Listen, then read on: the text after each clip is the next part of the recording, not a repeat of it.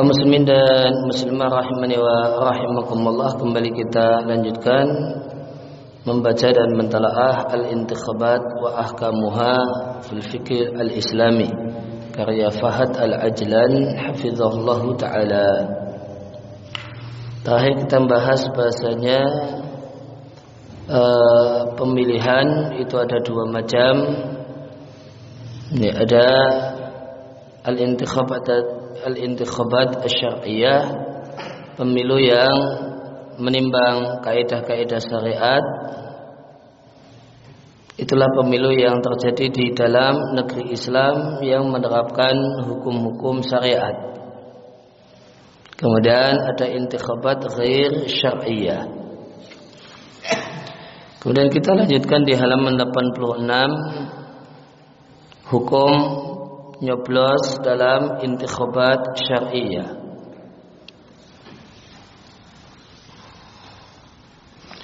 Maka pada saat terjadi terjadi pemilu di negeri kaum muslimin untuk e, mendapat untuk sampai pada wilayah syariah kekuasaan atau jabatan tertentu maka hukum syar'i untuk peran serta yaitu nyoblosnya an-nakhib pemilih dalam pemilu ini adalah mubah dan boleh. Maka dibolehkan bagi si pemilih untuk memilih dan berperan serta dalam pemilihan suara. Dan wajib baginya jika dia berperan serta untuk memilih yang terbaik orang-orang yang dia dari orang-orang yang dia ketahui. Lianna hada karena hal ini adalah tuntutan dari menginginkan kebaikan untuk Allah Rasulnya pemimpin kaum muslimin dan umumnya kaum muslimin. Boleh jadi ada yang bilang bahasanya peran serta atau nyoblos dalam hal ini hukumnya wajib. Fil intikhabat dalam pemilu fima dunari asah.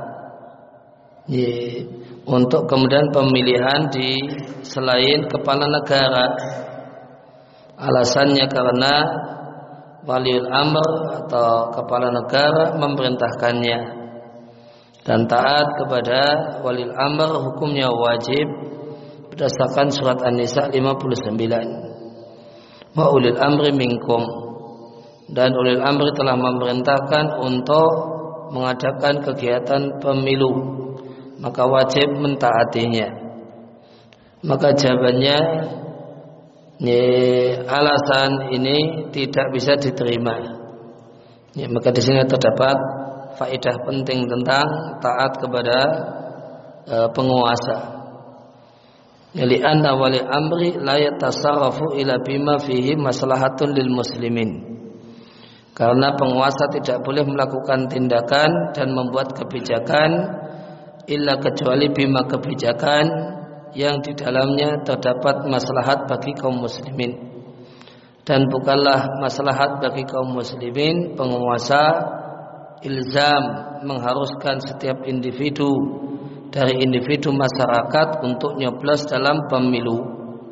Karena tidak ada maslahat dalam pengharusan ini. Pengharusan atas setiap individu. Ma diiringi wujud keberadaan yang lain yurni anhu yang sudah mencukupi. Bahkan mengharuskan untuk nyoblos dalam kondisi ini mengandung mafsadah yang jelas. Karena dia jadikan pemungutan suara itu menjadi aswaian asal-asalan dan bukan karena keinginan pemilih. Dan menimbang nampaknya ada uh, karena jelasnya sisi negatifnya maka sebagian sistem demokrasi sebagian negara kontemporer tidak menganut pendapat harus nyoblos. Padahal mereka yakin pentingnya nyoblos bagi semua masyarakat dalam pemilu maka di paragraf ini kita jumpai faedah tentang ketaatan kepada waliul amri. Ini tidak asal uh, tidak asal diperintahkan itu kemudian wajib taat. Namun kaidah pokoknya adalah sebagaimana disampaikan di kitab-kitab qawaid fiqhiyah ya, penguasa tidak boleh membuat kebijakan kecuali yang maslahat bagi rakyat. Ini ketika kebijakan itu uh, tidak uh, ya, tidak mem, mewujudkan maslahat bagi rakyat, maka ini kebijakan yang seharusnya tidak ada. Ini, sehingga kebijakan semacam itu tidak wajib ditaati.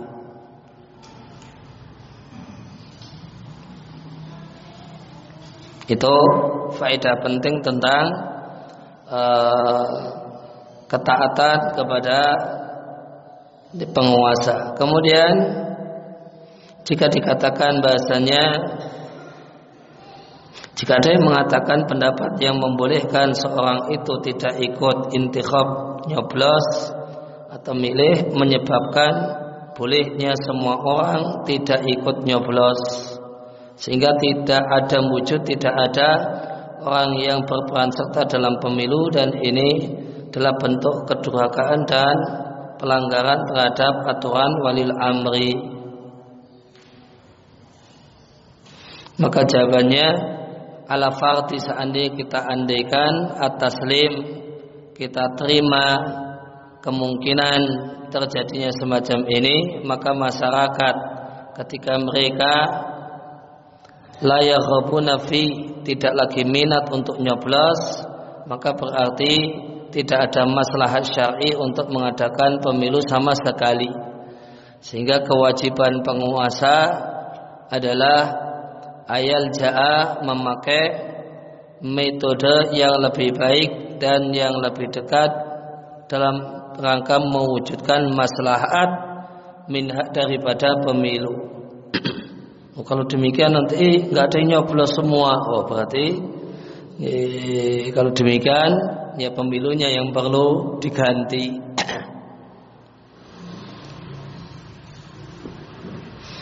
Kemudian hukum asal dalam peran serta seorang person dalam pemilu adalah mubah.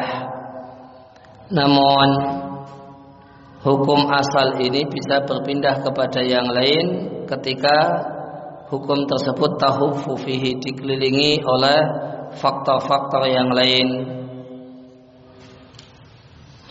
Fakat yakunul intikhab maka milih itu bisa wajib atas satu person ketika hina yatawaqqaf ala taswitihi ketika pemilihan suara yang dia lakukan itu ini sangat menentukan usulul kaf'i al-amin orang yang kapabel dan amanah itu bisa menduduki jabatan.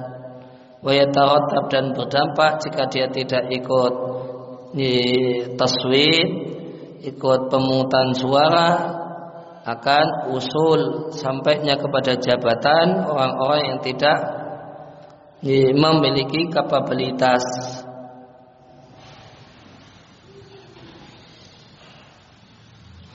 Namun e, ketentuan semacam ini anna hadis surah bentuk kasus semacam ini hanya terjadi pada pemilu yang tidak diterapkan padanya kaidah-kaidah syar'i.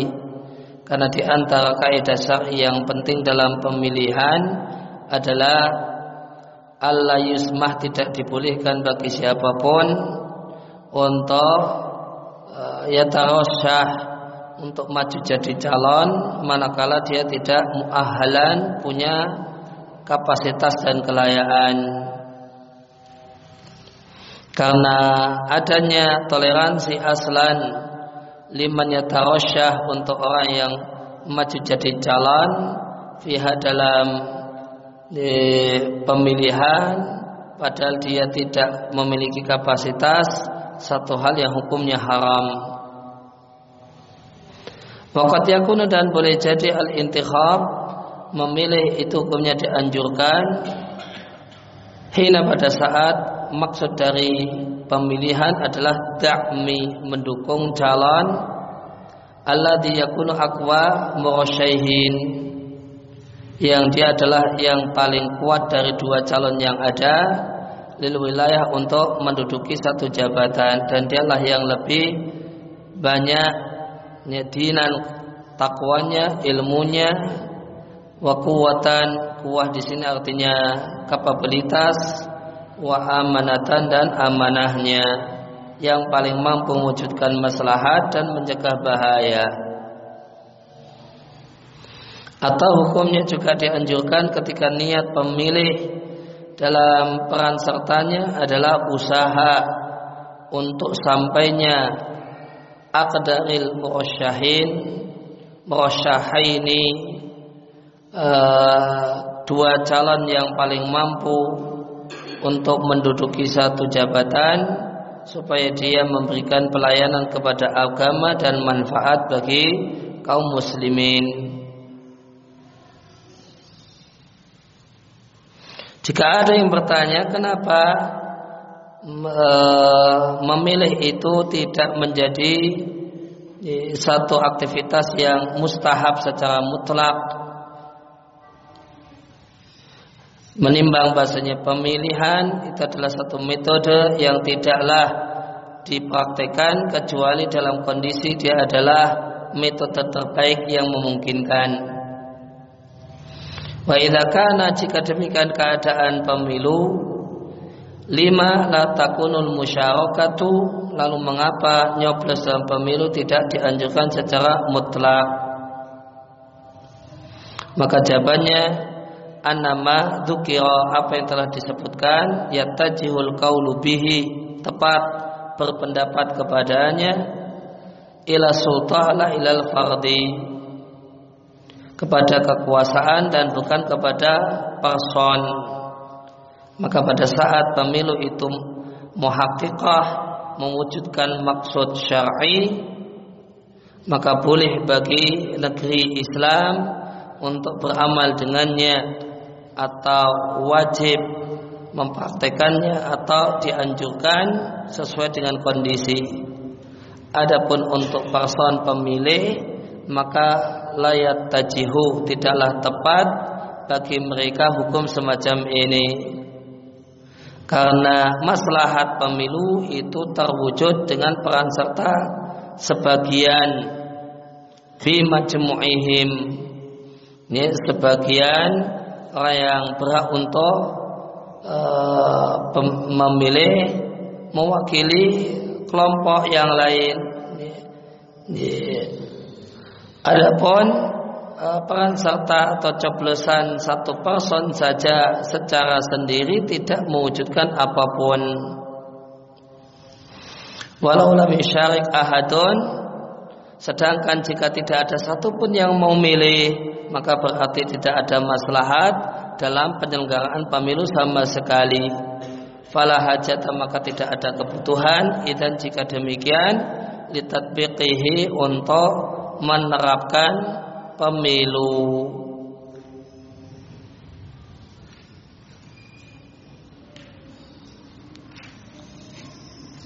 Nah, kemudian uh, matlab asani peran serta seorang muslim dalam pemilu yang tidak syar'i, yang tidak menimbang kaidah-kaidah syariat sehingga orang kafir bisa maju kemudian orang bejat bisa maju, orang yang tidak punya kafaah bisa uh, maju. Maka ini dibagi menjadi dua. Uh, intikhabat syariah ada dua macam. Yang pertama yang terjadi di dalam negeri Islam. Lil wilayah pemilu tersebut dalam rangka mendapatkan menerai satu jabatan dan negeri tersebut tidak menerapkan hukum syariat dalam mengatur pemerintahan dan politiknya. Yang kedua, pemilu dalam di negeri non-Islam. Yang pertama, al-intikhabat pemilu di dalam negeri Islam yang tidak menerapkan syariat Islam di bidang pemerintahan dan politik. maka hukum nyoblos dalam pemilu da, dalam, uh, dalam kondisi ini laha irtibaton punya hubungan erat dengan hukum musyarakah, hukum nyoblos atau peran berperan serta fi hadil wilayat dengan menduduki jabatan tersebut bagi orang yang ingin melakukan perbaikan. Ini. Maka kata beliau, hukum nyoblos dalam hal ini berkaitan erat derivat dari apa hukum menjadi pejabat di negeri semacam itu. Ini apa hukum jadi pejabat di negeri semacam itu yang negerinya ini tidak menerapkan aturan syariat di bidang politik dan pemerintahan. Nah, apa jadi apa hukum jadi gubernur di negeri semacam itu? Ini, untuk orang yang ingin melakukan perbaikan semaksimal mungkin dengan jabatannya sebagai gubernur atau yang lain. Maka kata beliau ini hukum masalah pemilu ini derivat dari masalah apa hukum jadi pejabatnya. Kok bisa? Itu derivat wajul irtibat sisi hubungan erat adalah jika boleh bagi seorang muslim untuk nyoblos uh, atau untuk yusyarik berperan serta menduduki jabatan semacam ini. Berarti boleh ada pemilu dan pemungutan suara untuk itu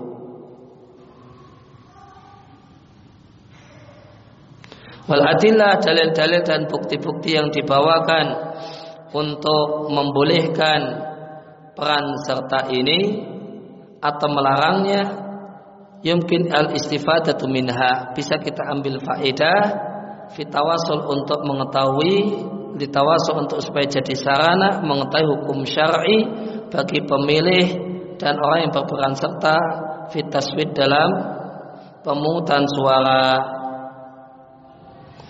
Ya.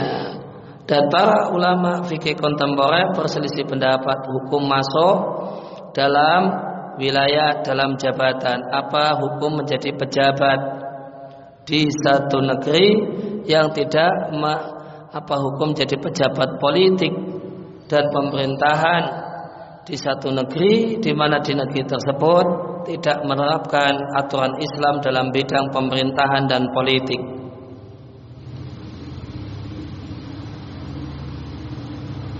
Wa ahamu mas'alatin perkara yang paling penting darah berputar roha an-niza perselisihan.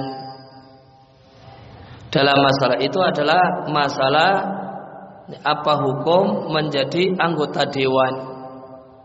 Al-musyarakah fil majalis parlamaniyah. Kalau itu yang paling gawat itu yang paling sengit Nih, nanti kalau itu boleh dengan syarat-syaratnya maka maka jabatan-jabatan yang lain lebih ringan. Ini perselisihannya dan perdebatannya.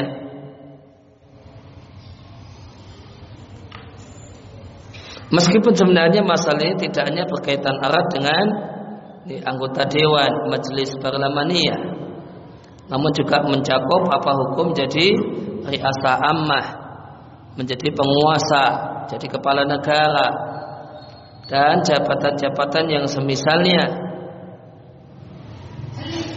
Alati yutahu al musyarik fiha yang seorang muslim yang dia menjadi pejabat di jabatan-jabatan tersebut yutahu terpaksa.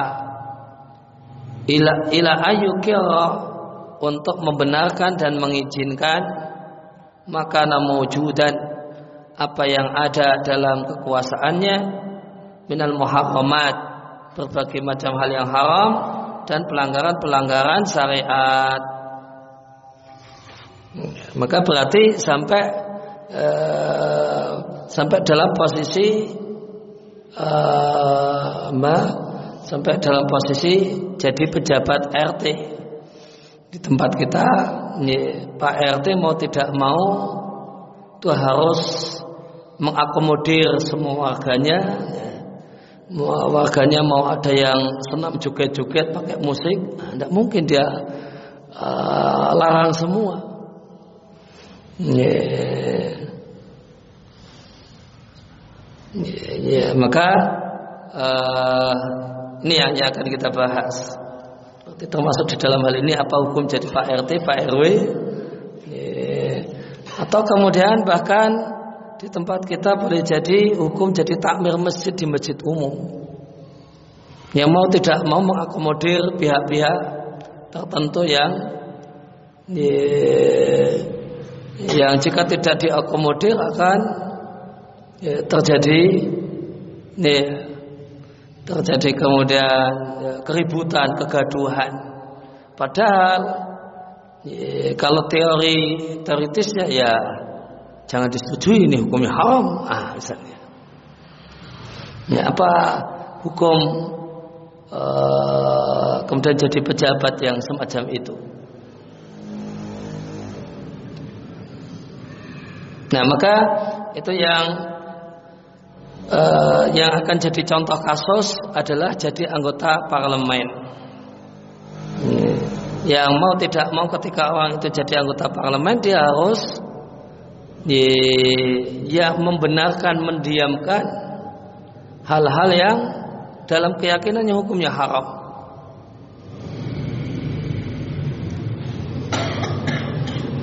Nih tahrir mahal niza nih fi masalah. Tahrir mahal niza itu intinya adalah uh, kemudian melakukan mapping pemetaan mana sih yang diperselisihkan dan mana sih yang disepakati. Karena di hal-hal yang diperselisihkan itu pasti seringnya umumnya mengandung hal-hal yang disepakati supaya kemudian diskusi itu bisa fokus maka perlu ditegaskan yang disepakati oh ini biar nggak usah dibahas nah ini loh yang diperselisihkan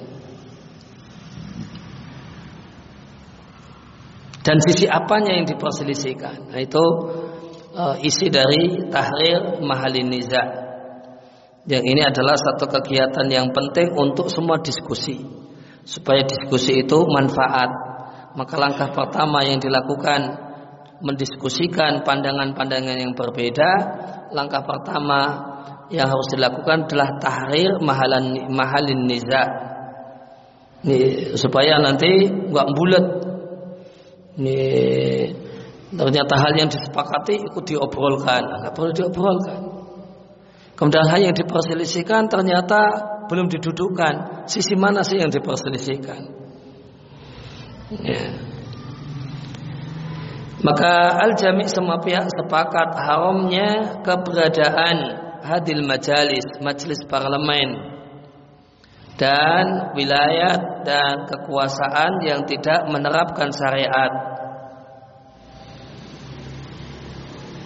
Dan sesungguhnya majelis parma ini melakukan satu perkara yang besar dan kemungkaran yang besar dikarenakan menihilkan syariat Allah. Semua kemudian para pakar fikih kontemporer berselisih pendapat tentang hukum fi hukmil musyarakah fi hadil majalis menjadi anggota dewan di majelis parlemen manakala niat dan maksudnya adalah al-islah memperbaiki dari dalam waktarir dan melakukan perubahan. Ya atau minimal tahqiq ba'dil masalih. Mewujudkan sebagian hal yang manfaat. Cuma sebagian yang bisa dia lakukan. Atau dar'i dan mencegah tidak bisa semua. Dan ba'dil mafasid. Ada dua pendapat dalam masalah ini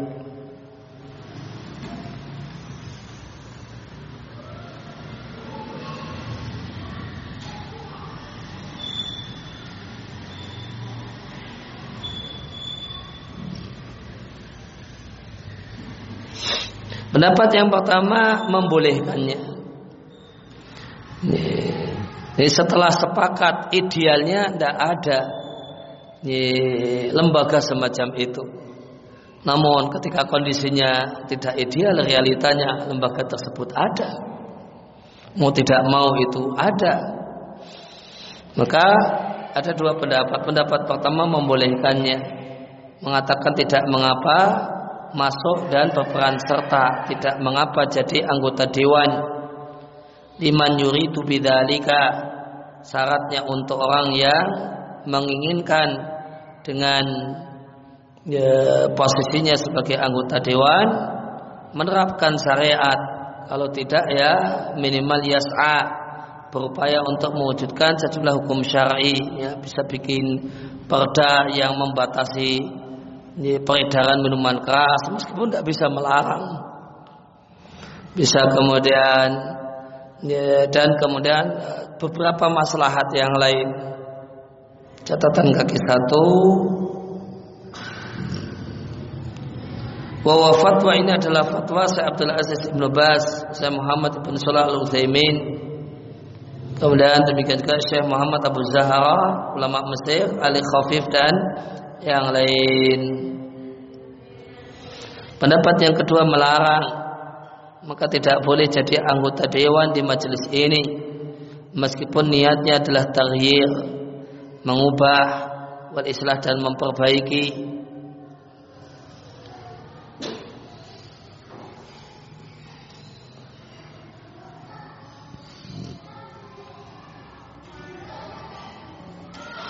Nah, kemudian alasan masing-masing pendapat pendapat yang membolehkan alasannya ya, peran serta orang yang baik, orang yang menginginkan perbaikan di majelis parlemen fihi di dalamnya tahqiq mewujudkan maslahat syar'i mencegah mafasid yang haram dan tindakan semacam ini tidaklah kita katakan hukumnya haram. Yang kedua, ikut keikutan serta orang saleh di majelis ini fi da'watunil akharin. Ya, mengandung ajaan kepada pihak-pihak yang lain litabani tatbiq syariah untuk mengadopsi penerapan syariat.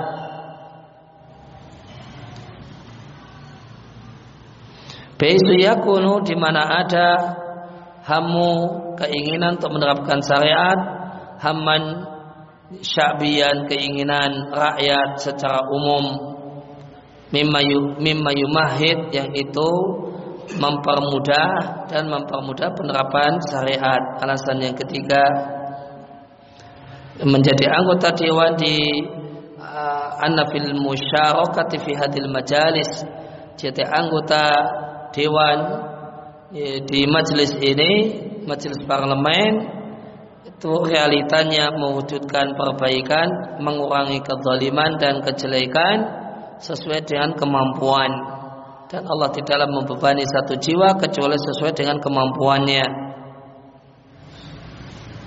Kemudian keikutsertaan para aktivis Islam, Islamiyin via hadil majalis di majelis parlemen ini yahulu duna menghalangi hala duna itu menghalangi jadi satu. Yahulu duna menghalangi tafurutil mufsidin.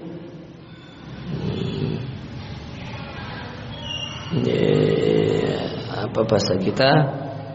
Tafarut di sini ya kesendirian tapi terjemah yang tepat. Monopoli monopoli al mufsidin orang-orang yang merusak dan orang-orang yang menyimpang bisultah memegang kekuasaan.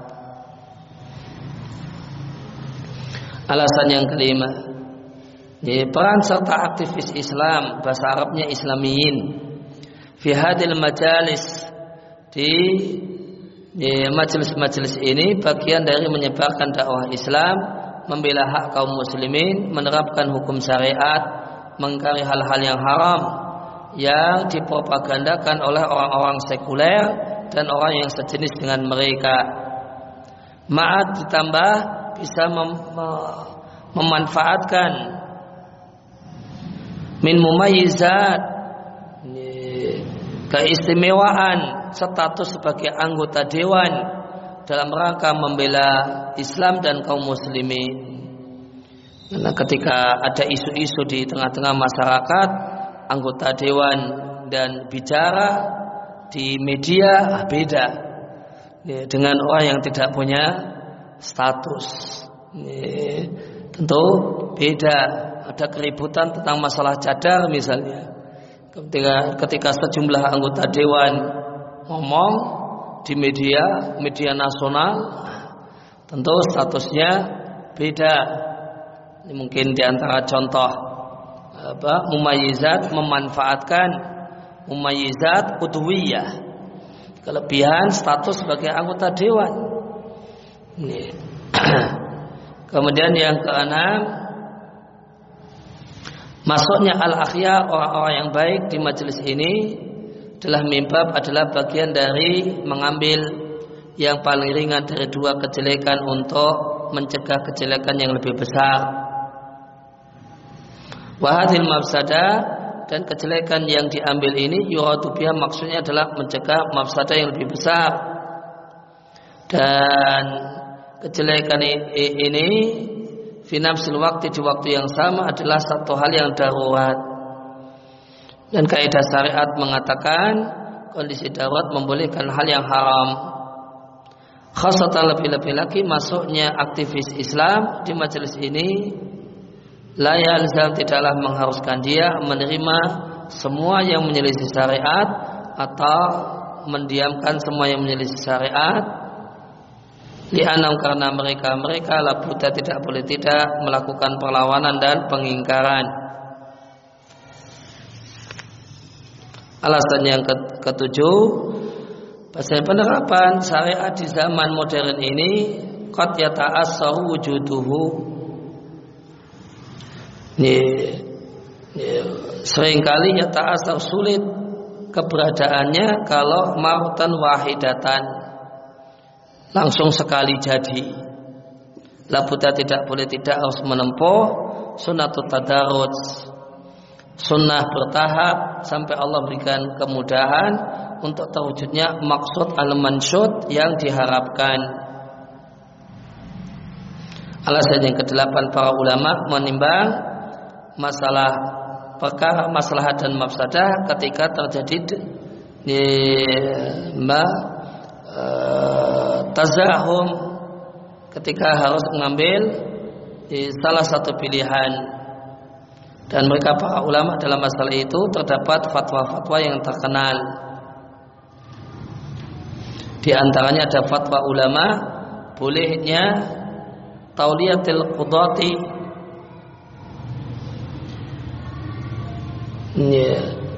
Menjabat sebagai qadhi min kibalil kufari padahal penguasanya kafir. Lima fidalika karena dalam hal tersebut mewujudkan maslahat syar'i yang besar bagi kaum muslimin. Dikutip dari perkataan Al-Is ibn Abdul Salam di kitab beliau Qawaidul Ahkam. Demikian juga bolehnya qiyamul wali al-adl. Yeah keberadaan penguasa yang baik bi tawali al wilayati yang dia mendap, uh, diangkat bitawali al wilayati dan dia diangkat dengan menduduki jabatan tersebut min kibalil hakim al-zalim. Diangkat oleh penguasa yang zalim. Walau jawa alayati meskipun terjadi ala yadihi melalui tangannya sejumlah kezaliman dan kerusakan. Di baqa'ahu karena adanya kebaikan.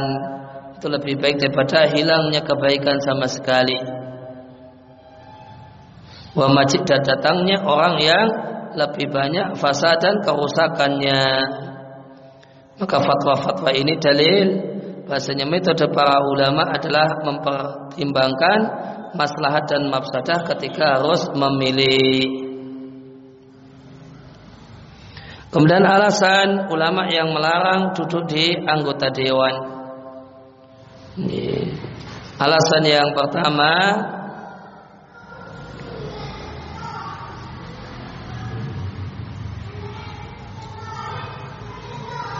Bahasanya ketika seorang itu duduk jadi anggota dewan di majelis parlemen la takunu itu tidak akan terjadi bi ghairi tanpa bersumpah.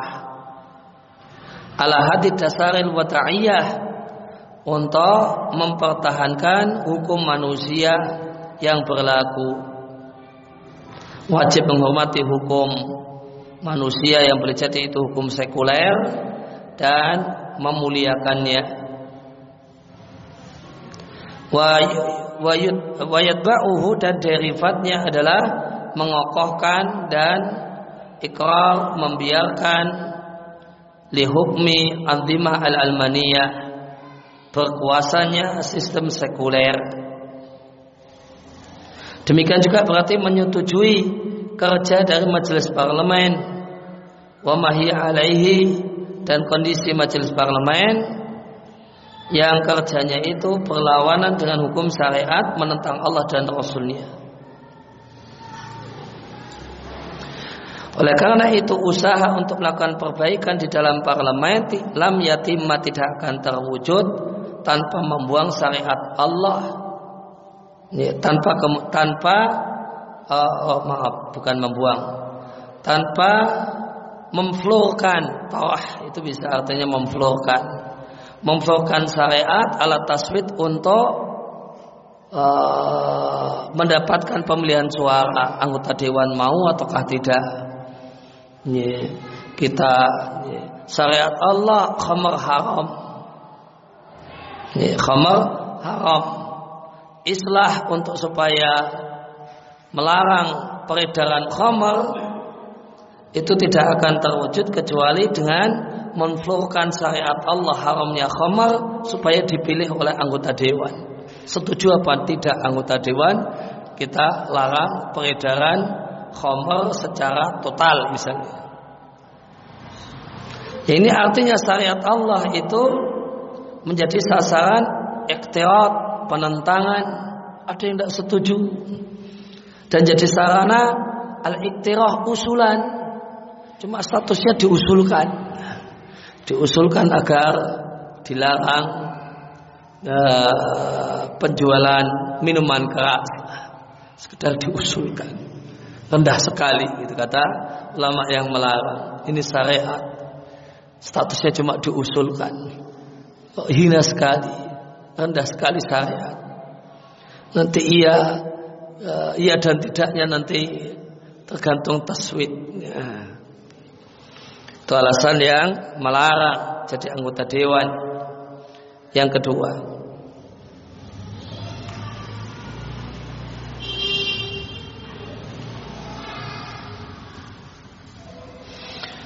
Kemudian masuknya al akhir orang-orang yang baik, wal al fadl dan orang-orang yang memiliki keutamaan fi hadil majalis di majelis ini fihi di dalamnya terdapat dampak negatif bagi makna syar'i. Dari akal, di akal manusia. Di mana yudhanu disangka bahasanya orang-orang yang orang-orang yang baik-baik tidaklah masuk di majelis ini kecuali karena oh adanya majelis ini satu hal yang syar'i dan mencocoki hukum syariat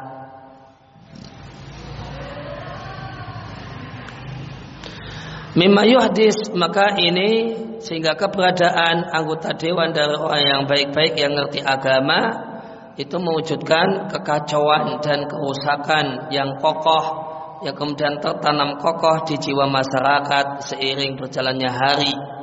Sehingga nanti akan jadi perkara yang sulit untuk tasheh dikoreksi atau di, ya, diperbaiki. Alasan yang ketiga Anaha mewajibkan kewajiban yang paling penting dalam perbaikan negeri adalah memperbaiki akidah, merealisasikan iman kepada Allah, kitab dan para rasul. Dan tidaklah sah ya ta'amal menyikapi ma'al hadal wajibil azim kewajiban yang besar ini dengan cara tanazul mengalah wa dan rembukan wa dan bertahap sebagaimana jalan orang yang menginginkan untuk masuk menjadi anggota dewan di majelis-majelis ini. Alasan yang keempat, keberadaan di majelis parlemen tidak memungkinkan aktivis Islam antasila untuk sampai pada batas mengubah sistem atau merevisi undang-undang. It an-nizam karena sistem memang dibangun di atas pondasi menyelisih syariat dan tidak memberikan kelonggaran bagi orang yang baik untuk berperan serta kecuali dalam kadar yang menguatkan da'aim nizamihi tiang-tiang sistem fal ghaya alati yurduha maka tujuan yang diinginkan oleh para aktivis Islam dengan masuk di majelis parlemen ini tidak mungkin bagi mereka untuk mewujudkannya sama sekali. Bahkan wala hatta sampai-sampai semata-mata tidak mungkin terwujud semata-mata sampai kepada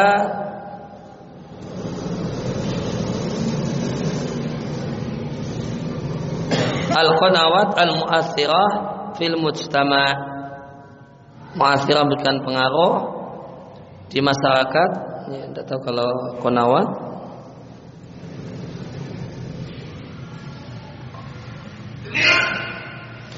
Kemudian yang kelima ya, keberadaan di majelis ini ya, Di dalamnya terdapat unsur tolong menolong wal ittifaq kesepakatan wa tawaddud dan upaya untuk mengambil hati dari al-almaniyin orang-orang sekuler, orang kafir dan musuh-musuh Islam filijan al-mustarakah ketika berada di komisi-komisi bersama Ya, ini tentu nanti anggota dewan akan terbagi jadi komisi-komisi.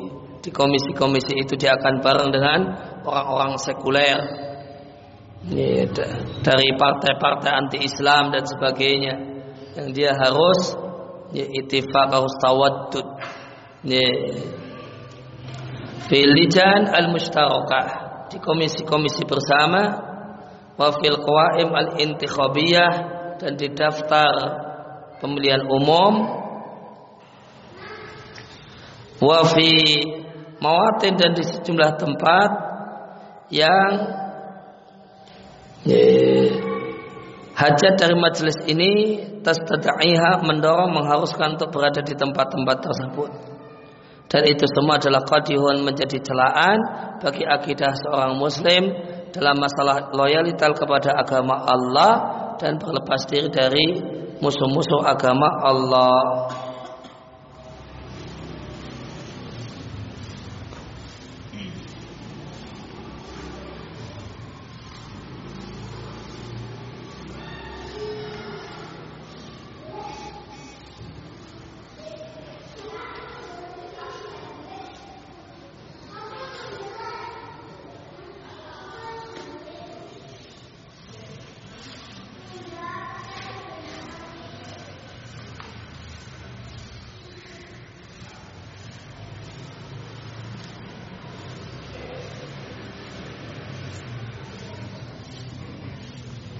ya, bisa diartikan jalan atau saluran ilal qanawat saluran yang memberikan pengaruh di masyarakat. Kemudian alasan yang keenam keberadaan di majelis ini min itaatin li juhud. Itu membuang-buang energi dan waktu dan harta dalam rangka mendapatkan suara dan mewujudkan eh, penghasilan maka jadilah para dai tenggelam dalam perkara-perkara yang cuma umur syakliyah hal-hal yang cuma uh, lahiriah sanawiyah yang itu satu hal yang tidak primer. Laisat dan itu bukanlah jauhar. Jauhar itu esensi.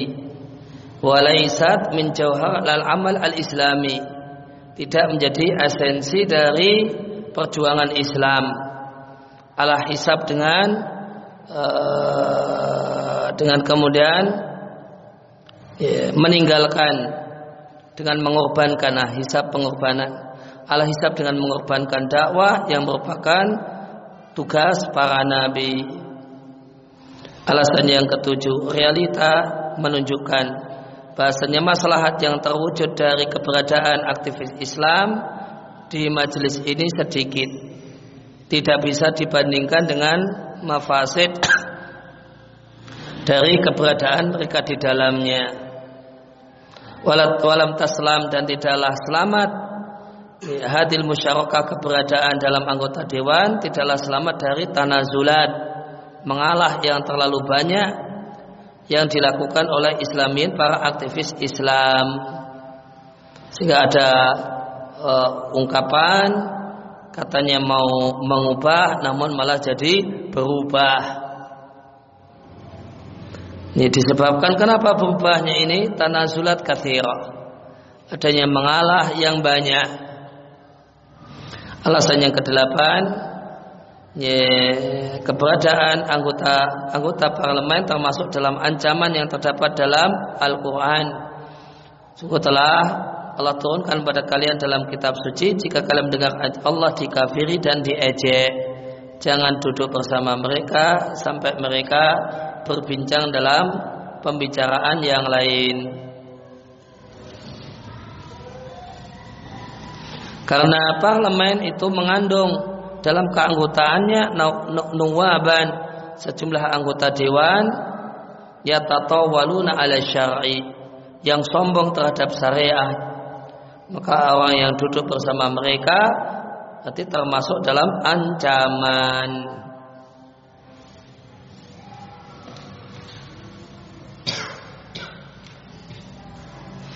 Ya, maka tarjih dari penulis yang tentu tarjih itu nisbi relatif. Tarjih dari penulis boleh jadi beda dengan tarjih dari orang lain.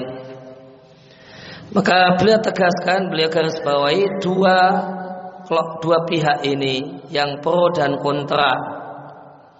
Uh, seorang muslim yang baik jadi anggota dewan, dua-duanya yakin bahasanya ma'alihil majalis parlemeniyah bahasanya kondisi majelis parlemen dan kekuasaan-kekuasaan yang lain yang kondisinya menihilkan syariat tidak menerapkan aturan Allah adalah perkara yang mungkar wajib diubah sesuai dengan kadar kemampuan.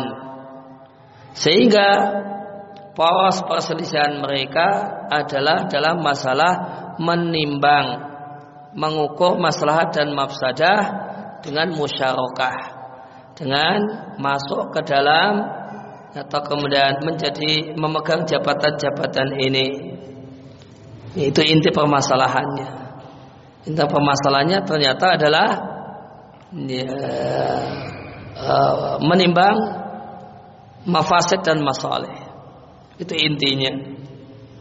Yeah maka pihak yang membolehkan berpandangan maslahat masuk jadi anggota dewan lebih besar daripada mafsadahnya. Yang mengharamkan berpandangan bahasanya sisi negatif dari masuk jadi anggota dewan lebih besar daripada maslahatnya. Dan mayoritas alasan dua belah pihak itu cuma berjalan dalam jalan takrir. Melaporkan maslahat dan mafasid. Alasan-alasan tadi kalau dilihat masing-masing melaporkan. Yang membolehkan beri laporan. Loh ini loh manfaatnya gini gini gini. Yang melarang ini loh mafsadahnya begini begini.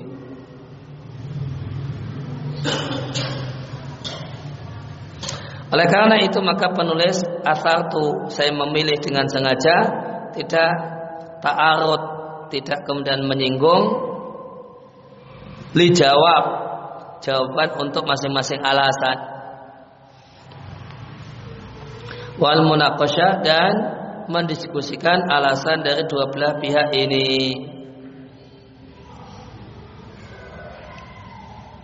Biasanya kan kalau di paparan alasan itu nanti biasanya penulis yang sudah punya kecenderungan terhadap satu pendapat nanti supaya bisa sampai tarjih Nanti setelah alasan kemudian yang dia tidak setujui jawaban. Nah, nanti alasan jawaban dari penulis supaya nanti digiring ke tarjih yang diinginkan oleh penulis. Nah ini beliau tadi cuma murni maparkan saja. Kemudian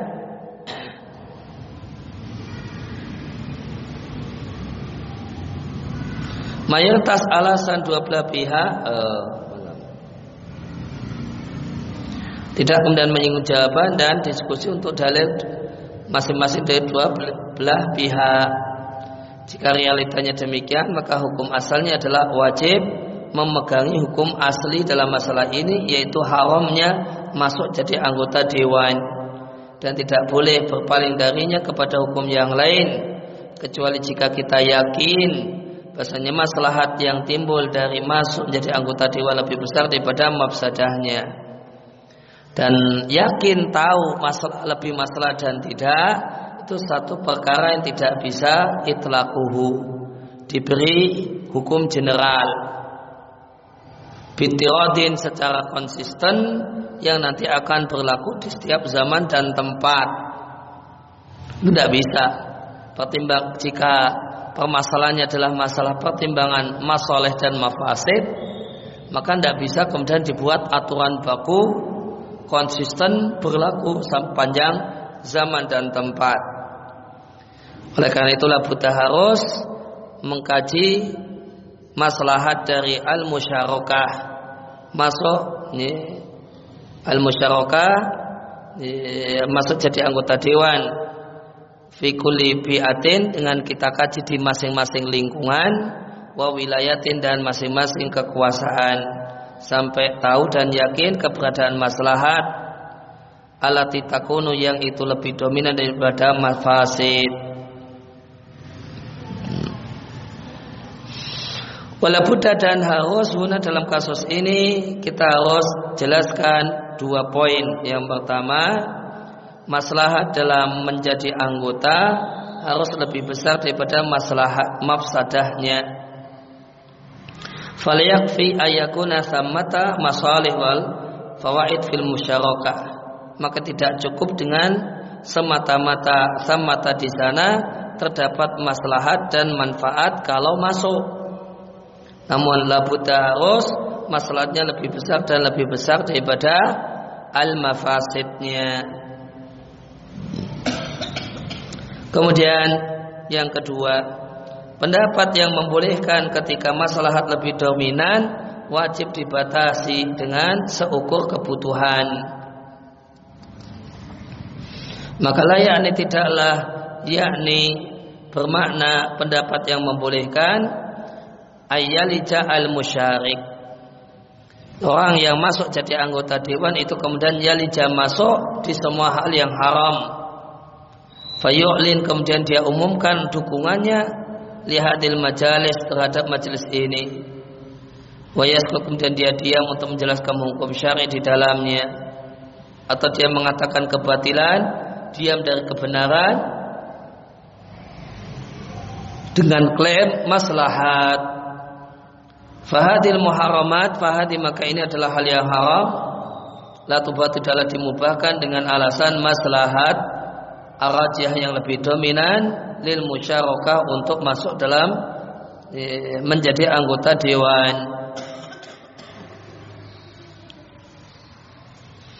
Wa inamal masalah arajiyah namun maslahat yang lebih besar lil musyarakah dengan masuk membolehkan masuk di majelis ini wahtimal dan kemudian bersabar dengan mafasid yang menjadi dampaknya wala ta'ani dan tidak pula bermakna menghilangkan dosa anil wuku dari terjumus dalam berbagai macam hal haram yang lainnya dalam rangka maslahat-maslahat ini. Ya, maka pertimbangan ketika dinilai maslahatnya lebih besar itu bukan berarti kemudian membolehkan semua yang haram.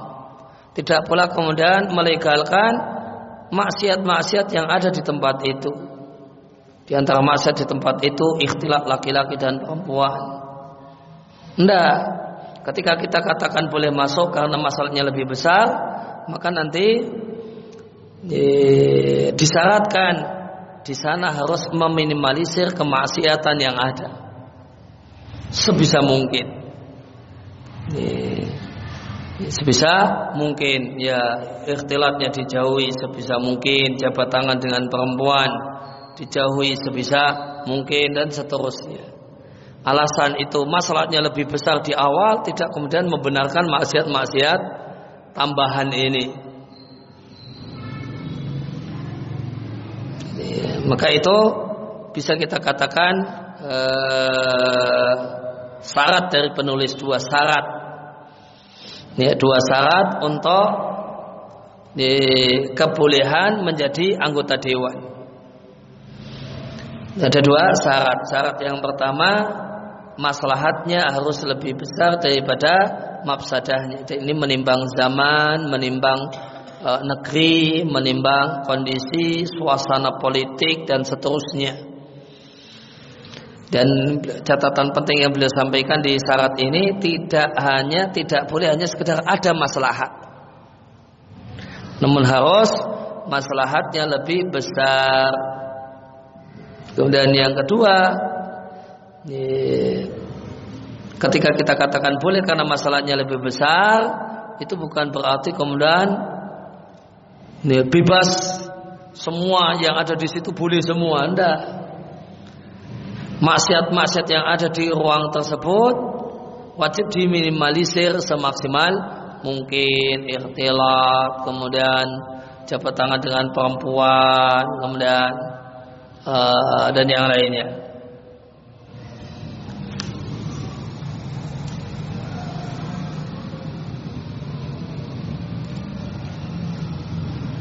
Nah, kemudian ada pun hukum, nah itu hukum jadi pejabatnya. Nah, nanti hukum memilih pejabatnya kan derivat dari itu. Derivat dari itu setelah hukum ya, memilih atau menjadi pejabatnya intinya hukumnya boleh dengan hukum asalnya haram dan boleh dengan dua persyaratan. Ya, maka nanti ketika kondisinya adalah kondisi boleh, nah maka nyoblos ketika itu boleh. Adapun hukum musyarakah, ya hukum nyoblos dalam pemilu. Maka jika musyarakah fi majalis masuk ke dalam majelis ini atau kekuasaan ini hukumnya boleh, maka jasad maka boleh nyoblos dalam pemilunya lidakmi untuk mendukung mereka-mereka para calon. Adapun jika tidak boleh masuk ke dalam anggota dewan dan yang lain, maka tidak boleh bagi seorang muslim untuk ikut nyoblos pihak dalam pemilu illa kecuali jika di sana ada masalah yang lebih besar fil musyarakah dalam ikut nyoblos.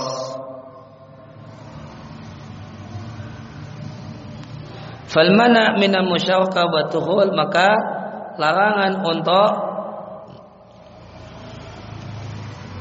masuk ke dalam kekuasaan dan majelis ini layal zamu minhu tidaklah mengharuskan melarang untuk musyarakah ikut serta dalam pemilihan suara dan pemilu.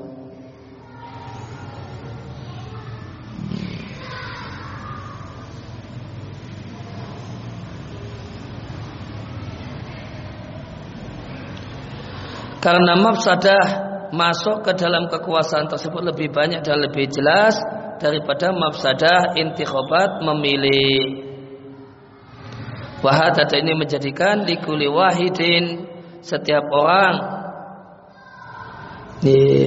minhuma dari dua kasus ini nadarun fiqhiyun khasun punya pandangan fikih pribadi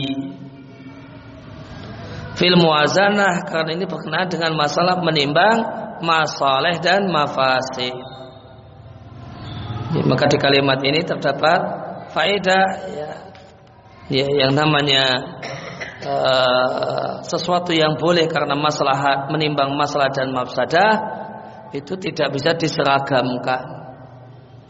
Nanti kemudian ada nadaron fiqhiyun khasun dan pandangan fikih pribadi. Ya, maka tadi di paragraf ini disampaikan kalau jadi untuk jadi pejabat tersebut hukumnya boleh, maka nyoblos boleh. Kalau jadi pejabat tersebut hukumnya haram, maka nyoblos bisa boleh. Bisa boleh. Kalau menjadi pejabat tersebut hukumnya haram, nyoblos untuk mendukung supaya beliau menjabat tersebut itu ya asalnya tidak boleh namun bisa boleh jika ada maslahat. Tadi disampaikan wa idza al musyarakatu jika terlarang dan haram menjadi pejabat maka seorang muslim tidaklah yusyarik fiha dalam intikhabat maka jangan nyoblos dalam pemilu. Illa kecuali ingkana mata jika di sana ada masalah. Maka kesimpulannya kalau jadi pejabat tersebut pejabat dalam bentuk anggota dewan atau yang lain itu hukumnya ya boleh maka nyoblosnya boleh.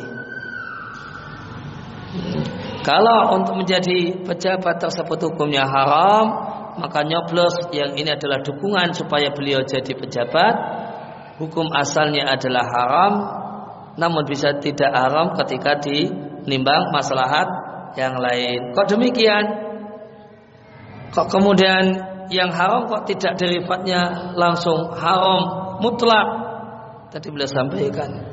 Karena beda, karena mafsadah jadi anggota dewan sama mafsadah nyoblos itu lain.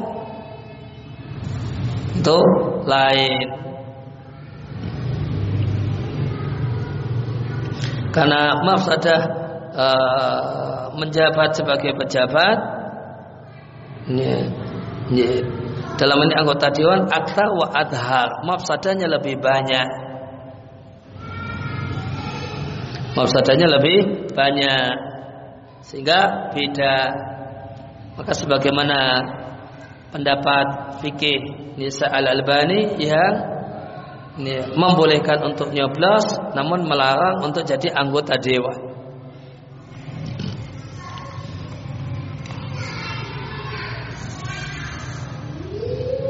Itu saya Al-Albani dalam masalah ini kaidah global beliau demikian.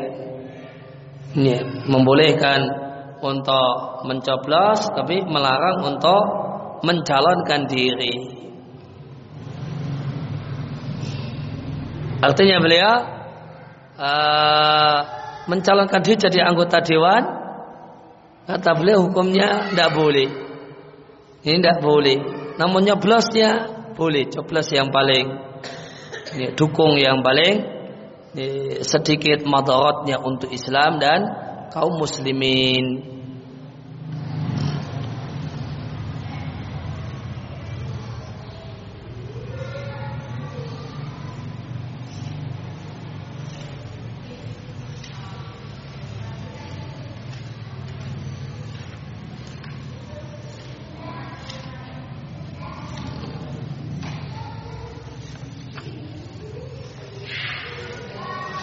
Ya demikian yang kita baca kesempatan pagi hari ini. Wassallallahu ala nabiyina Muhammadin wa ala alihi wa sahbihi wasallam. Rada'ana alhamdulillahi rabbil alamin.